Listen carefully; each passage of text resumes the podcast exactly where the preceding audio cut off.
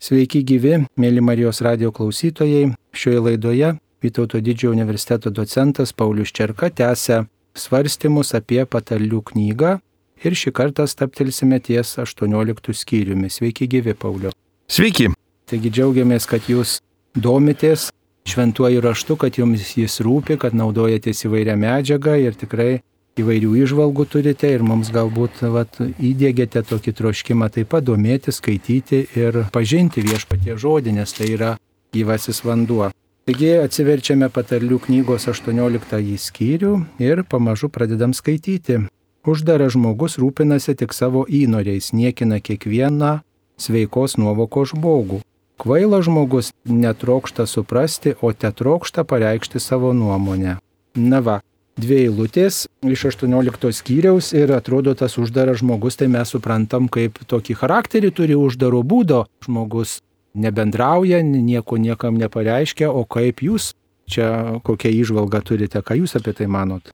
Sveiki dar kartą, mėly klausytojai. Iš tikrųjų, vertėjas pasiūlė žodį uždaras.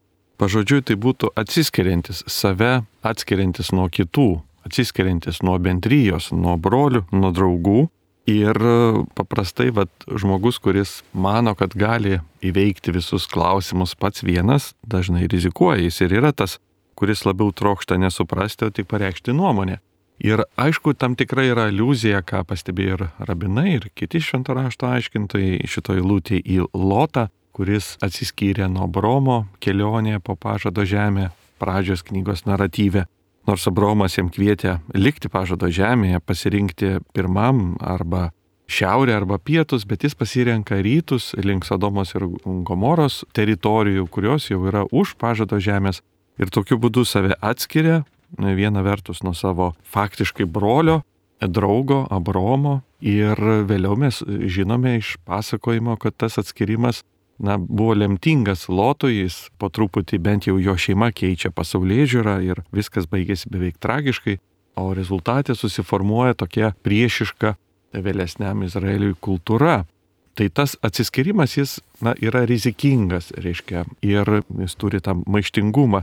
Čia mes galėtume pritaikyti galbūt vat, jau dvasiniam prasmėm, kalbant apie erezijos pavojų, bet čia reiktų patikslinti, kad kai kalbam apie erezijos pavojų, kalbama ne apie klaidą, nes daugelis bažnyčios tėvų iš tikrųjų savo sampratavimus ir mintise tikrai klydo, kaip mes jau šiandien matome, nepaisant to, jie yra mūsų laikomi ir mokytojais, ir tėvais. Neklaidoje yra pavojus. Tai normalu yra žmogui klysti, bet užsispyrime likti klaidoje. Tai erezija yra ne šiaip klydimas, bet užsispyrimas, kai tau yra pateikimi argumentai, nenorėjimas į juos gilintis ir įsimylėjimas į savo nuomonę.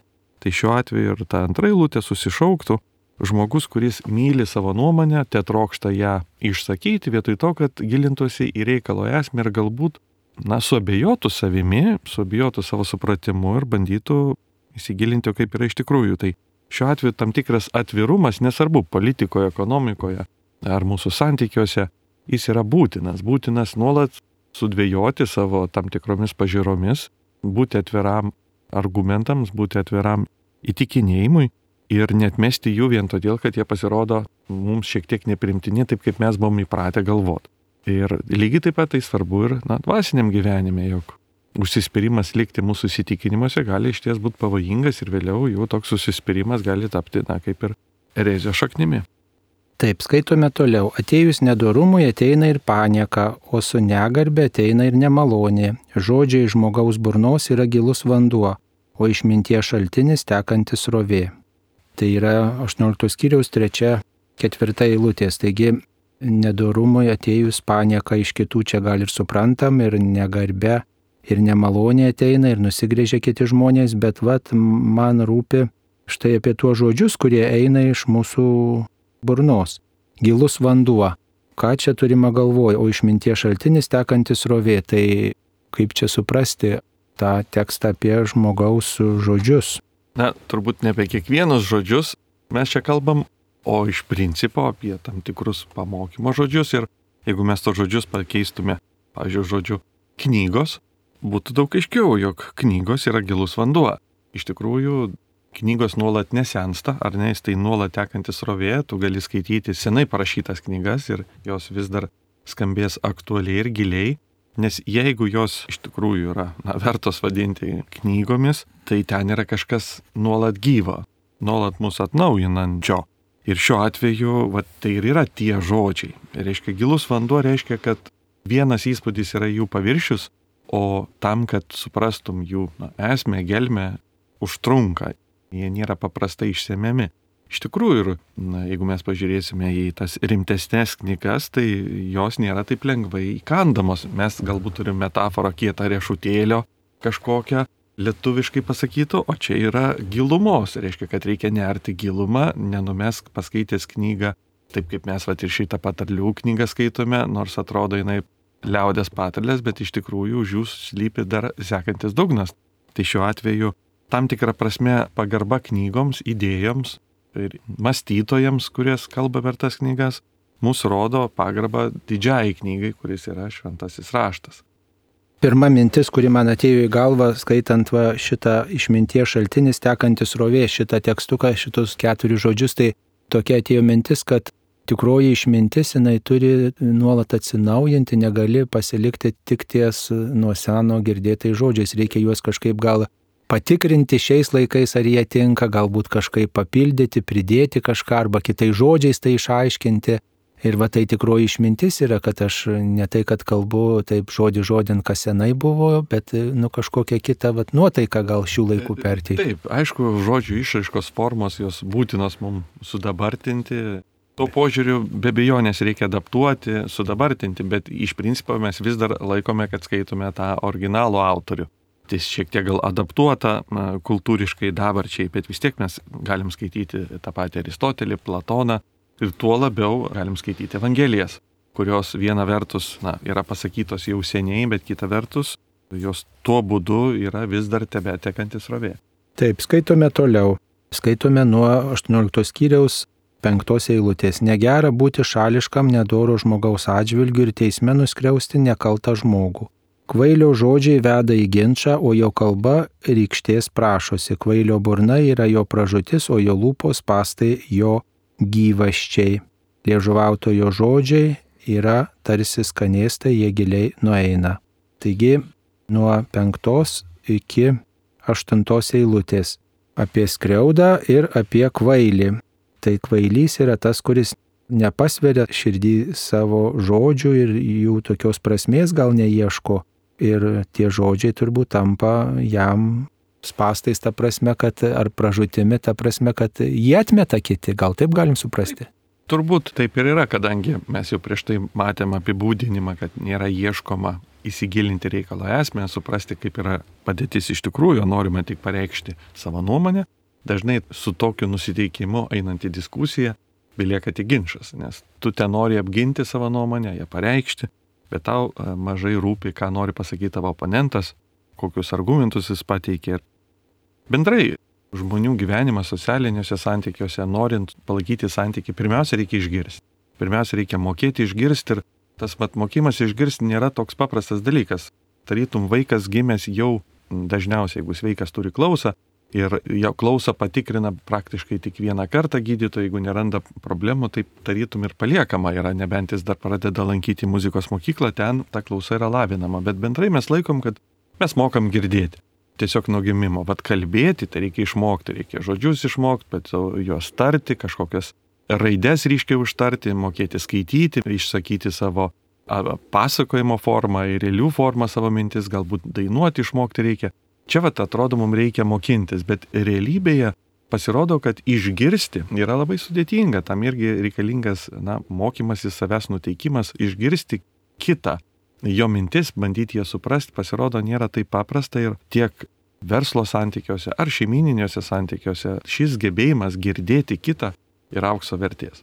Tai va šiuo atveju mes ir kalbam apie tai, bet jeigu dar galim penktą eilutę, na, jį tarytum tokia paprasta apie šališkumą teisme, bet įdomu, kad rabinas rašy, kaip ir aš jau ne vieną kartą citavau, garsus švento rašto komentatorius Toras buvo, išvelgia, kad kažkuria prasme šis pasaulis yra neteisingas ir jame tarytum vieniems žmonėms yra gerai, nors taip neturėtų būti, o kitiems yra sunku, nors atrodo, jie verti būtų kažko kito.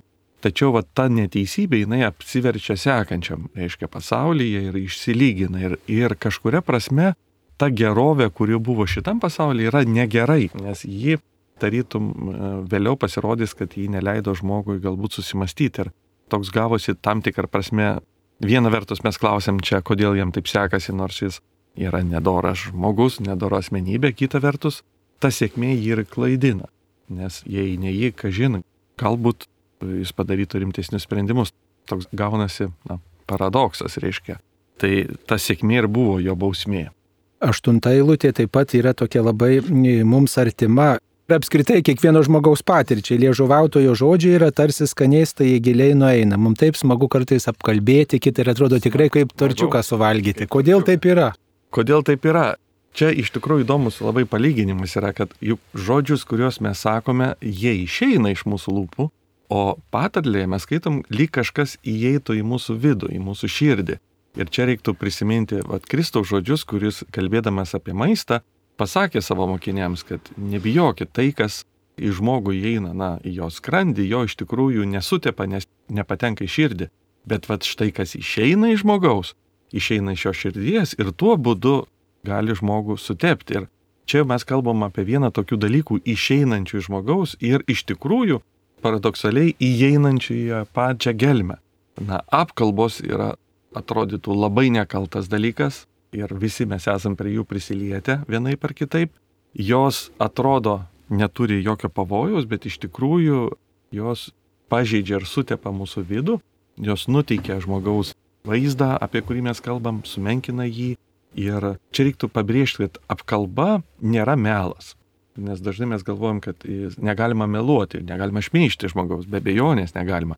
Bet kai kalbam apie apkalbas, kalbama apie kalbėjimą tikrus dalykus, bet kalbėjimą už akių apie jį neigiamai be rimto pagrindo. Kartais yra ta priežastis, kada būtina įvertinti žmogaus elgesį, bet jeigu tokios rimtos priežasties nėra, be priežasties vertinti žmogaus nedėra. Taip, ir tie skanėstai turbūt ilgainiui apkarsta. Taip, tie skanėstai, jie paveikia mūsų, na, pavadinkim, tą vidinį žmogų. Skaitome toliau nuo devintos eilutės. Žmogus suglebę savo darbę yra tikras brolis kenkėjo. Viešpaties vardas yra tvirtas bokštas, teisusis gali bėgti į jį, būti jame saugus. Turtuolio lobis yra jo įtvirtintas miestas. Jis tėra tarsi aukšta siena, jo vaizduotėje. Na tai aišku, kad kenkėjo brolis yra tas, kuris nenori dirbti, nes viešpats įsakė dirbti savo veido prakaitę valgysi duoną, jeigu tu nedirbi, vadinasi, tu kažkokią skriaudą darai, bet pavyzdžiui, mes kunigai gal ir nedirbam, mes tik tarnaujam, kaip čia išeina. Na, čia turbūt tas patenka į šitą apimti. Sakot, kenkėjai mes. Ne, aš turiu minį, kad tai patenka į tą, ką vadinam darbo. Ačiū Dievui, jau Teisigastas buvau. Šiuo atveju gal nuoroda yra į tai, kad kaip dirbama. Vat atsipalaidavimas arba toks nerūpestingumas darbe, atrodo žmogus dirba, jisai lyg ir užsiemęs, bet jis dirba tokiu atsinešimu, kad rezultatai gali būti labai prasti, gali būti klaida įsivėlusi, nes jis nerūpestingai daro ir padarys žalą ir iš to darbo menka vertė, jeigu jį perdaryti reikės. Tai šiuo atveju, jeigu prieš tai buvo didelė kritika tinginį, kuris neina dirbti, dabar mes susidurėm su tuo, kuris eina, bet dirba neatsakingai. Ir šiuo atveju mes suprantam, kad reikia ir vieno, ir kito. Reikia ir veikimo, ir reikia tam tikro rūpestingumo. Tai jeigu tas yra akivaizdu, ar ne, mūsų ekonominiam gyvenime, jeigu žmogus neatsakingai operuotų, neatsakingai montuotų kažką, tai geriau jis iš vis būtų nedaręs, nes tai dar didesnę žalą gali atnešti. Kita vertus, mes pritaikom savo dvasiniam progresui, jog dvasiniam gyvenime mes taip pat turim dirbti su savimi. Taip pavadinkime, ar ne? Mes dirbame su savo dirba, su savo medžiu, kuris neša vaisių tokiam metaforom. Ir čia vėlgi yra tas pats. Turime būti rūpestingi. Jeigu mes labai atsipūtusiai žiūrėsim į savo dvasinį gyvenimą ir šį bei tą atliksime, tai gali gautis, kad nu, toks nerūpestingumas vargiai duos tikros naudos. Taip, toliau norėčiau sugretinti dvi tokias mintis. Dešimtoje eilutėje parašyta, kad viešpaties vardas yra tvirtas bokštas, nu tai reiškia, kad nu, nepajudinamas ir tikrai amžinas, kaip amžini yra kažkas, kas tvirtai pastatyta, atrodo, nu čia laikys amžinai, pavyzdžiui, kai gerai padarytas darbas, nors aišku, viskas, kas iš materijos yra trapu. Bet žodžiu, Dievo vardas yra tai, kas tveria per amžius. O štai turtuolio lobis 11 eilutė ir jo įtvirtintas miestas, jis tai yra aukšta siena jo vaizduotėje. Kaip, man atrodo, čia gražiai sulyginta. Va, kas prie Dievo glaudžiasi, tas išliks, o turtuolis tai jeigu ir turi kažką ir atrodo jam, kad jo tas kažkas yra labai tvirta, tarsi miestas tvirtai pastatytas, vis dėlto tai yra tik jo vaizduotės vaisius. Tai reiškia, kad ir kiek tų žmogų būtum įsikibęs, bet jeigu tai yra ne Dievas, tai žinau, kad klaidinga. Taip, labai taikli išvalga. Iš tikrųjų, tos dvi eilutės sugretintos ir jos tarytum turi, na, tos dvi prytis. Kas yra tikrasis žmogaus saugumas gyvenime? Ir nors išreikšta, kad viešpatės vardas mums šiek tiek lietuvių kultūrai neįprasta, kaip vardas gali turėti kažkokį tai na, suteikti žmogui saugumą, bet už to slypi tai, ką senovės semitai hebrajai sakytų kaip asmuo, santykis su tuo asmeniu išreiškiama kaip jo vardu. Ir tvirtas bokštas šiais laikais mes, sakykime, labiau bėgame nuo bombardavimų į slėptuves, mes turim, na, kitą būdą slėptis nuo karo, karo grėsmių tais laikais buvo bokštas. Bokštas buvo vieta, kuomet tu galėdavai išgyventi apsiausti ir kitas krizės. Ir šiuo atveju iš tikrųjų turtai tam tikrą prasme yra ekonominis saugumas. Tai yra būdas išvengti nelaimių, ypatingai ekonominio pobūdžio. Ir susidaro įspūdis, kad esi be galo saugus. Bet tai tik įvaizdis, nes gyvenimas yra pateikęs nemažą mums irgi pavyzdžių, jog yra problemas, kurių turtai jau spręsti negali. Va, skirtingai negu viešpatės vardas, kuris yra atsakymas į visus iššūkius, Ne ta prasme, kad jis padarys žemišką gyvenimą laimingą, bet iš esmės jis yra atsakymas į giliuosius gyvenimo klausimus. Tai iš tikrųjų toks na, gražus prieš pastatymas, vienas saugus tik savo vaizduotėje, o kitas yra saugus tik iš ties. Taip, dvylikta eilutė skamba taip. Žmogaus širdis puikuojasi prie žūti, o prieš garbę eina nusižeminimas. Ir vėl vienoje net eilutė sutelpa dvi darybės - puikybė ir nusižeminimas. Tai tas, kas puikuojasi, jau greitai grius, tad jo žūtis laukia. O tas, kas nusižeminęs moka būti arba ieško to nusižeminimo, tai tikrai sulauks garbės. Tai čia gal tas, kaip čia pasakyti, nuolankumo ir nusižeminimo yra argumentas arba vertė ir grožis. Nes kiti sako, na ką čia tas nuolankumas, aš nemėgstu, čia ne, ne, negaliu net girdėti to nuolankumo man baisu tiesiog klausytis apie, o čia klausykit, kad po to tavęs laukia garbė. Tai čia kažkas tokio. Ne, tai taip, bet čia galim prisiminti ir Kristaus žinoma palyginimą apie svečius, kurie rinkosi vietas prie pokilio stalo ir kaip vieni pervertino save ir pasirinko geresnę vietą, vėliau teko juos paslinkti žemyn ir priešingai tie, kurie save sukuklino, taip įsireiškus, buvo pakelti aukštyn.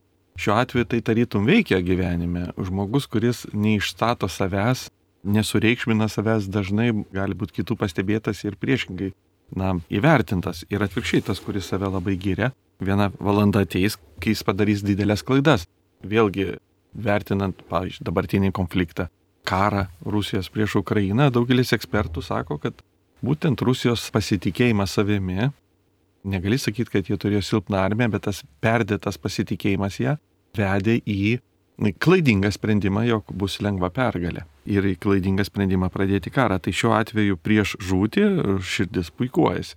Čia ir būtų tas pasipūtelio apsiskaičiavimas. Jis daro klaidingus sprendimus, pervertina save, na, o sprendimai jie yra klaidingi ir šiuo atveju taip tas mechanizmas suveikia. Taip, dabar 13 eilutė duoti atsakymą žmogui jo neišklausius yra kvaila ir užgaulu. Tai čia ne tik tai šitoj knygoje mintis tokia cituojama, bet ir kitose švento rašto knygose. Iškiai išklausyti, tai turbūt įgyti išminties, va kaip įdomu, ne kažko domėtis, ne kažką skaityti, ne karštai melstis, bet klausytis, va tai išeina, kad jeigu tu klausaisi, tu esi išmintingesnis ir tu neužgausi kito žmogaus. Iš tikrųjų, čia mokėjimas, būtent mokėjimas klausytis nėra toks paprastas. Mes girdime, kaip sakiau, nuo vaikystės paprastai girdime žodžius, bet vad, ar išgirstame, ar iš tikrųjų mes suprantame, ką mums norima pasakyti. Dažnai žmogus pertraukia pokalbį ar ne, laikydamas, kad man viskas aišku, arba puola iš karto kažką teikti, ginčytis, nors iš tikrųjų nebūtinai kita pusė tai teigia.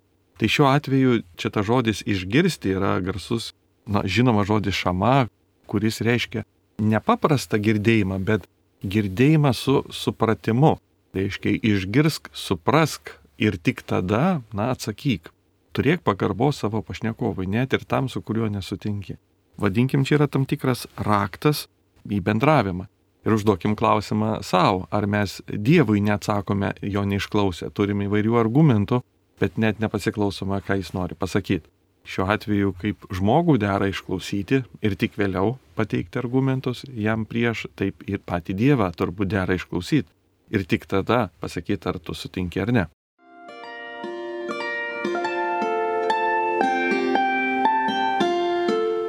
Jūs girdite Marijos radiją.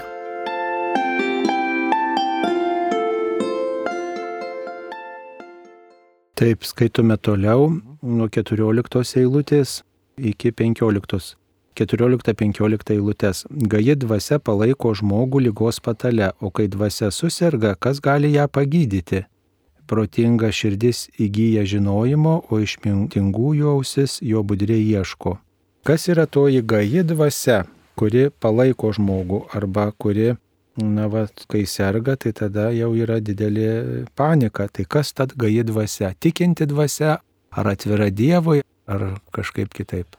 Na, mes jau daug kartų irgi susidūrėm su tom patarlėm, kuomet buvo rodomas žmogus patekęs į labai sunkes sąlygas, bet jo na, vidinis tas nusiteikimas, vidinis ryštas, tą, kai jis vadina širdis arba dvasia, padeda jam jas išgyventi. Čia dar kartą yra prisimenama ta pati idėja, tik šiuo atveju lygos atveju ir tam tikra metafora, jog jeigu tavo vidus yra ryštingas serga kūnas, tu toj lygoj nepalūšti, tu pereini ją. Ir atvirkščiai, jeigu susirga tavo ryštas, tavo širdis ar tavo dvasia, tavo vidinis nusiteikimas, tokiu atveju net jeigu ir kūnas veikas, tu vis tiek guli, tai yra daug sunkiau. Tai šiuo atveju psichologai, be bejonės, na, psichologija patvirtina, šiuos principus, kad žmogaus požiūris, ryštas, valia, sprendimai yra iš tikrųjų lemiantis kriterijus išgyvenant krizės. Ir štai kodėl gali būti žmogus išgyventi ir skurdą, ir nepritiklių, ir lygą, ir nepaisant to būti pakankamai gyvybingas. Ir atvirkščiai, galime pastebėti, kad žmogui be ne niekur netrūksta, ta gerovė pas jį yra puikia, o vidus yra na, depresija ar, ar kažkas panašaus. Taip, tokia kėdėje mes galim sakyti, nusivylimas, nebėra ryšto, nebėra jokių siekių. Reiškia, viskas yra viduje. A, jūs kalbėjote apie nusivylimą, tai ta gaji dvasia gal yra viltis. Taip. Bet kokiom aplinkybėm viltis, kad viskas išeis į gerą. Būtų ir taip, būtų tam tikras vidinis dalykas, reiškia, jį mes turime labai saugoti, nes jis yra daug svarbesnis negu mūsų tam tikra išorinė gerovė. O kaip jūs apibūdintumėt viltį? Kas yra viltis? Čia ekskursėlis toks trumpas. Viltis tai sunkiai apibūdinamas dalykas. Greičiau mes galim pasakyti, tai yra viltis ar tai nėra, bet viltis yra, kai vieną iš pateikčiau gal savo supratimo tokio. Viltis yra, kai tu esi beveik tikras, kad vienaip ar kitaip į pagalbą, na, sakykime, jeigu tu viliesi Dievu, Dievas tikrai ateis. Tu gal nesi tikras, kokia forma tai bus, bet tu esi tikras, kad pagalba bus. Tai yra va, tas vilimasis tos pagalbos, nors nežinai išraiškos, bet žinai, kad neliksi vienas. Tai va, tam tikras pozityvus požiūris, lūkestis kažko, tam tikros intervencijos, aktyvus lūkestis, kad viskas nebus kaip yra dabar. Pokytis tikrai ateis, na, tas Dievo įsikišimas įvyks. Toks intensyvus lūkestis ir laukimas. Taip išreikščiau. Toliau skaitome nuo 16 iki 18 eilutės, 16-17 eilutės. Žmogaus dovana atidaro duris ir praskina jam kelią pas didžiūnus. Tas atrodo teisus, kas pirmasis kreipiasi į teismą, kol ateina jo priešininkas ir būna apklaustas. Burtų metimas išsprendžia bylas ir nulėmė ginčą tarp galingųjų. Čia jau 18 eilutė. Na, užkliuvo man žodį 16 eilutė dovana, žmogaus dovana atidaro duris. Tai čia jau kvepia korupcija, sakyčiau. Čia iš tikrųjų mes praeitas kartą skaitėme apie vienokią dovaną, kuri gali būti tam tikram kontekste suprantamas kaip kyšius, bet šį kartą mes turime kitą žodį ir tai yra tiesiog dovana. tiesiog dovana. Ir vieni tą gali suprasti, kad žmogaus dovanos yra jo kelias į visuomenę. Taip mes sakytume žmogaus talentai. Jeigu žmogus yra talentingas, jis na, vis tiek ras savo vietą ir dažniausiai jo talentai jį ištrauks, ar ne? Nu, taip galim pasakyti.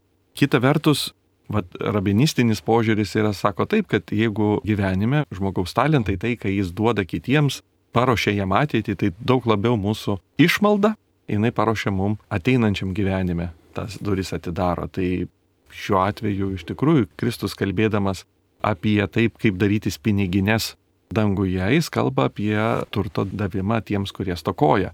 Tai šiuo atveju tai ir būtų dovanojimas, atidarantis, bet jau duris ne į visuomenės gyvenime, ne į karjeros duris, kurias tam tikrą prasme irgi galima atidaryti, bet dangiškas duris. Nes jeigu tu remi dovaną, remi vargšus, galima sakyti, tu atidarai vis plačiau duris į dangaus karalystę. O jei remi didžiūnus, tikėdamasis naudos, Čia šiuo atveju jau yra kitas klausimas, ar tai yra ta dovana, kurie atidaro. Taip. Mhm. Tai čia praskiria pas didžiūnus, reiškia pripažinimą. Tai jeigu žmogaus talentai yra paprastai priežastis, kodėl jis yra pripažintas ir yra pats kelias pas didžiūnus, tai mūsų išmalda yra pripažinimas kelias dangaus karalystė. Taip, toliau skaitome. Burtų metimas išsprendžia bylas ir nulėmė ginčą tarp galingųjų. Na va, daugam gal kliustas burtai žodis, negi negalima kokį kitą žodį sugalvoti, kai ieškom Dievo valios, kai norim vat, pagalvoti, o kurį čia kelią rinktis. Reiškia, nes burtai tai tokia mintis yra, kad čia mes kviečiam anapusinės jėgas, piktasias e, jėgas, o mes juk norim Dievo patvirtinimo, Dievo tokio atsakymo, kurį kelią rinktis, kaip čia pasielgti. Na taip, žodis burtai, bet tikrai tai nėra būrimas, taip. Ir burtai vis dar naudojami yra mūsų pasaulietiniam gyvenime, pavyzdžiui, sporto varžybose, kai tenka parinkti, o kasgi, kieno bus kur pirmam kelinį aikštelė ar vartai. Ir daug kur yra situacijų, kuomet tenka apspręsti klausimą, kurį argumentų dėka negali spręsti. Kuris arba visi turi vienodą teisę, vienodą padėtį ir tokiu atveju atsitiktinumas turi būti sprendžiamas. Taigi čia neina kalba apie būrimą, o apie tam tikrą atsitiktinumą, pasitikėjimą atsitiktinumu ir kita vertus atsitiktinumai yra neatsitiktiniai. Čia yra tikinčio žmogaus tas požiūris, jog apvaizda paveikia net tuos procesus, kuriuos mes esame linkę vadinti atsitiktiniais. Ir tokiu atveju, nepaisant to, kad iš vienos pusės tai yra atsitiktinumas, tai yra tas metimas tam tikro na, burto kaip atsitiktinumo, iš kitos pusės įsitikinimas, kad bet kuris atsitiktinumas jis nėra atsitiktinumas, jis tam tikrų būdų apvaizdos yra valdomas. Dar tokia mintis ateina į galvą lietuviškai žodis bortai, borti, tai kažkas galbūt panašaus yra sutelkimu, vienijimu, tai čia galima kažkokią išvesti paralelę. Tur, tur, turbūt ne, čia tik sąskambis panašus, bet... Ai, nieko nėra atsitiktinio. Jo, nieko nėra atsitiktinio. Galbūt, galbūt mes išvelgiam savo kultūrą tai, bet šiuo atveju čia nėra būrimo momentas, tai yra to atsitiktinumo. Mes pavadinkim, atsitiktinumas įsprendžia ginčą Nesuinteresuotumas, ta prasme. Čia yra specifinės situacijos, reiškia, galbūt jos yra retos gyvenime, nes dažnai mes galime įrodyti, kas teisus, kas ne. Tokiu atveju jokių būdų atsitiktinumas neturėtų spręsti. Bet būna atvejais, kai neįmanoma argumento arba teisingumo pagalba atsakyti, jeigu yra absoliučiai dvi pusės vienodai padėti, na tokiu atveju kažkoks yra atsitiktinumas. Nu, pavyzdžiui, kam dirbti ryte, kam vakare gali būti, gali būti tam tikras pasiskirstimas patalpų, rolių ir tenka tą klausimą kažkaip išspręsti. Tai šiuo atveju atsitiktinumas tarytum visi sutinka, kad niekas niekam nieko, na, nenurodė ir visi turėjo vienodus šansus, nu išpuolė kaip išpuolė. Tai čia toks pasitikėjimas, pavadinkime, viena vertus atsitiktinumu, kita vertus apvaizdas lypinčia už atsitiktinumą. Taip skaitome toliau 19 eilutę.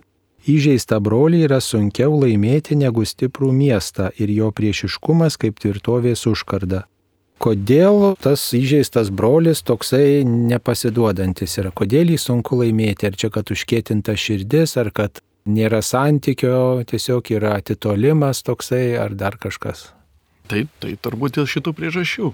Bet labai graži metafora, ar netarytum įsižeidimas arba užsikietinimas, tas maištingumas, atrodo, kasgi čia tokio.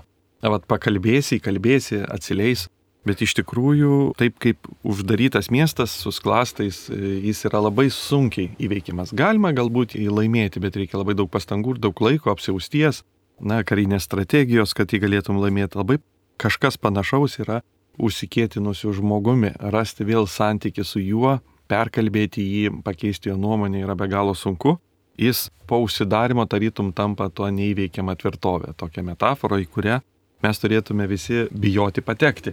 Kita vertus, jeigu mes jau turime tokį savo aplinkoje, tai tada nenuleisti rankų, suprantant, kad galbūt laimėti draugystę su tuo asmeniu yra labai sunku, panašiai kaip ir užimti tą užsidariusi miestą. Dėl to, na, nenuleiskim rankų siekdami to tikslo. 20 eilutė taip skamba.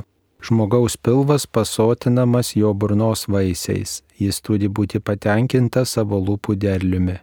Na tai, kad pilvas sotinamas vaisiais, tai taip, suprantama, nes tai yra maistas, bet jeigu burnos vaisiai, Tai čia turbūt turima galvoj žodžiai, mintys, idėjos, tekstas, kurį mes transliuojame. Na, iš tikrųjų, pagalvokime, prisimenant Kristaus to žodžius, kad ne tai, kas įeina, maistinė prasme sutepa, bet tai, kas išeina ir vėliau jis vardina visą eilę tų dalykų ir ten yra ir apgaulės, melagystės, taip, ir apkalbos, ir tie dalykai iš tikrųjų išeina idėjų forma, taip, teiginių forma. Mes žodžiais galim padaryti labai daug blogo ir labai daug gero savo sprendimais, savo idėjomis. Šiuo atveju mums atrodo, kad tik rankomis mes daug ką nuveikėm, bet iš tikrųjų ir žodžiais. Žodžiais galima supykdyti žmonės ir sutaikyti, sukiršyti ir priešingai na, išgydyti. Daug dalykų galima nuveikti žodžiais.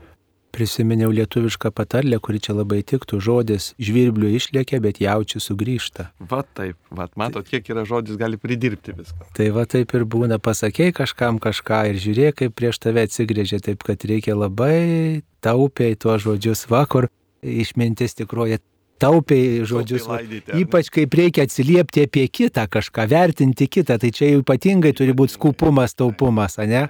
Jeigu gera kažką, tai tu jauti išleidai skaityk va kuris gal grįž, nežinau, visa jaučių banda grįž tau.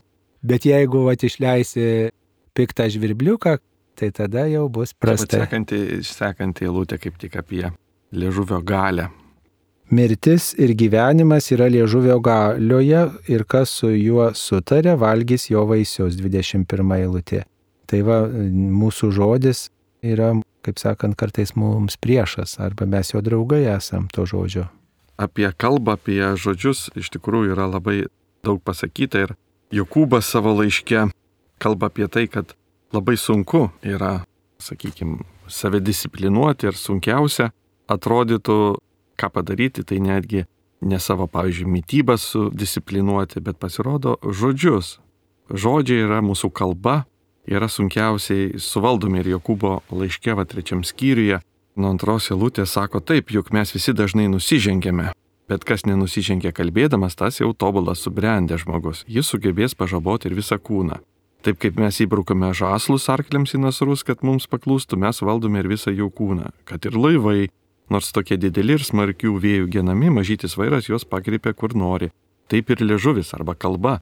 Nors ir mažas narys, bet moka girtis didžiais dalykais, žiūrėkite, kokia maža ugnelė padega didžiausią gyrę. O ir liežuvis tai yra kalba ir ugnis, nedarybės visetas. Liežuvis glūdi tarp mūsų visų narių, suteršia visą kūną, padega visą gyvenimo ratą, patsai pragaro padegtas. Na ir toliau tęsi tą mintį iš esmės, kuri yra tokia, kad mūsų kalba iš tikrųjų gali atnešti daug mirties, ideologijos, šmeištai jau gali užkurti ištisas, na, sakykime, tautas. Antro pasaulinio karo metu mes matom, kaip nacizmo ir fašizmo ideologijos ir komunizmo ideologija buvo aptendusi žmonių protus ir vedusi į, į mirtį. Ir šiais laikais mes matom taip pat tas ideologijas plintančias. Tarytum tai yra viskas per kalbą, per idėjas. Žodžiu galima nuveikti ir gero, ir atnešti gyvybę, kaip skaitom, ir mirti. Ir vad rabinistinis požiūris yra, kad toros žodžiai yra tie, kas neša gyvenimą, mes sakytume, Kristaus žodis iš tikrųjų yra tai, kas neša gyvenimą. 22 eilutėje tai prašoma, žmogus, kuris randa gerą žmoną, randa laimę ir gauna iš viešpaties malonę. Bet nepasakyta, kaip to žmonos geros reikia ieškoti, kaip ją surasti. Apie žmonos suradimą mes jau daug kartų skaitėme ir visa patarlių knyga baigsis kulminacija himnas tai gerai žmonai, o įžangoje devynis skyrius mes skaitėme apie pačią išmintį, kuri buvo sulyginta vėlgi su moterimi, kurios dera ieškoti, tarytum kaip savo žmonos. Tai čia yra nuoroda vėlgi, kad kaip svarbiausias turbūt žemiško, socialinio, ekonominio gyvenimo sprendimas žmogaus gyvenime yra šeimos sukūrimas. Vargiai galima rasti labiau gyvenimui įtaką turinti sprendimą. Lygiai taip pat ir dvasiniam gyvenime, nesvarbu vyro ar moters, sprendime išminties suradimas ir jos ieškojimas yra pats fundamentaliausias dalykas, kuris pakeis ne tik šį, bet ir ateinantį gyvenimą. Tai šiuo atveju toks yra palyginimas, kad kaip vyrui yra svarbu šeimos sukūrimas, kiek jis daug yra nulemantis jo gyvenimą, taip ir kiekvienam asmeniui yra svarbu išminties suradimas, tarytum jos vedimas. Čia ta kokia metaforinė kalba. Taip. Ir 23 eilutėje taip prašoma, vargdienis turi kalbėti kaip maldautojas, o turtuolis atsako šiurkščiai. Čia turbūt apie tai, kad mūsų kažkokie pasiekimai nusako ir kaip mes bendraujam su kitais, tai kitaip sakant, mūsų materialumas kažkoks, mūsų saugumas apsprendžia ir kiek mes mylim, tai neatskiriama turbūt iš ties tas tam tikras kontekstas, iš tikrųjų perskaitę žodį arba išgirdę žodį, tu dar nežinai už jos lypinčios, na, tam tikros nuotaikos, ar ne? Tai gali būti žodis pasakytas maldaujant, arba gali būti pasakytas labai arogantiškai ir išdidžiai. Žodis prašau, žodis ne, žodis taip, gali turėti tą krūvį, ar ne? Krūvio žmogaus, kuris bijo išgirsti neigiamą atsakymą, kuris labai švelniai kreipiasi, jautriai bijodamas, kad e, jis neturi kitos išeities, jeigu jis gaus neigiamą atsakymą. Ir to, kuris kalba labai arogantiškai ir drąsiai. Ne? Tai iš tikrųjų, kiek mes saugus situacijai, dažnai išduoda, kaip mes kalbame, kokiu tonu kalbame, maldaujamo tonu ar tuo širkščiu tokiu tonu. Neišvengiamai taip yra. Mes galim save patikrinti ir matysim, kai situacijose mes įsitempėme prašydami ir ten, kur mes jaučiamės labai stiprus, nedvėjojam. Dabar kita vertus, ko tai mus moko? malda, arba mes maldas, kurias skaitome psalmėse ar maldas maldaknygėse, dažnai pati malda dar yra ne viskas, dar reikalingas ir nusiteikimas tuos žodžius sakyti. Jie gali būti pasakyti arogantiškai, jie gali būti pasakyti maldaujančią nuosaką, sakykime, tą nuotaiką. Ir tai keičia. Tai keičia, kas tu esi, ar tu esi vargšas, ar tu esi turtuolis Dievo akise ir tie tavo žodžiai ištarti nors jie bus tokie patys, bet jų krūvis gali būti visai kitoks. Ir paskutinė eilutė, 18 skyriaus 24 eilutė, žmogus turi bičiulių laikui praleisti, o tikras draugas yra jam už brolį artimesnis. Bet nepasakyta, kas yra tas tikras draugas. Čia įvairiai galima versti tą eilutę, žmogus turi daug bičiulių ir kai kurie jį pražudo. Arba laikui praleisti, arba yra, nu, kai kurie nėra tikri. Ir jeigu tu turi daug draugų, natūralu, kad greičiausiai vis tiek vienas kitas nuo tavęs nusisuks ir na, net neš to džiaugsmo priešingai atneš kažkokį nusivylimą. Kita vertus, tarp jų atsiras ir tas tikrasis draugas, kuris pranauks giminaitį, šeimos narį, ar ne, kuris pasirodys esantis toks, toks tikras šalia esantis, toks palaikytojas, kad bus daug stipresnė meilė negu yra tarp artimų žmonių. Ir čia gal galim prisiminti Kristų su 12 paštalų, kuriuos jis vadina savo draugais. Vienas jį išdavė, bet jis jiems tapo tuo tikru draugu artimesniu už brolį. Tai vad Kristus žmogui tampa tikru draugu artimesniu už brolių, o kita vertus Kristų taip pat išdavė jo draugas, vienas iš draugų. Ir matom, kad tarytum vėl ta išmintis išsipildė išmintyje tapusiame atėjusią kūnų, tapusią žmogumi jo gyvenime. Mėly Marijos radio klausytojai, šioje laidoje Vytauto didžiojo universiteto docentas Paulius Čerka aptarė patarlių knygos 18 skyrių ir tikrai kiekvienas sakinys, kiekviena patarlė gali būti mums įkvėpimo šaltiniu, padedančiu išvengti nuodėmės, rinktis Dievą, galbūt pasitaisyti ypač per šią gavėnę. Paulių Čerką kalbino aš kunigas Saulis Bušauskas. Visiems linkime pagarbos ir ramybės visose situacijose. Ačiū sudė. Sudė.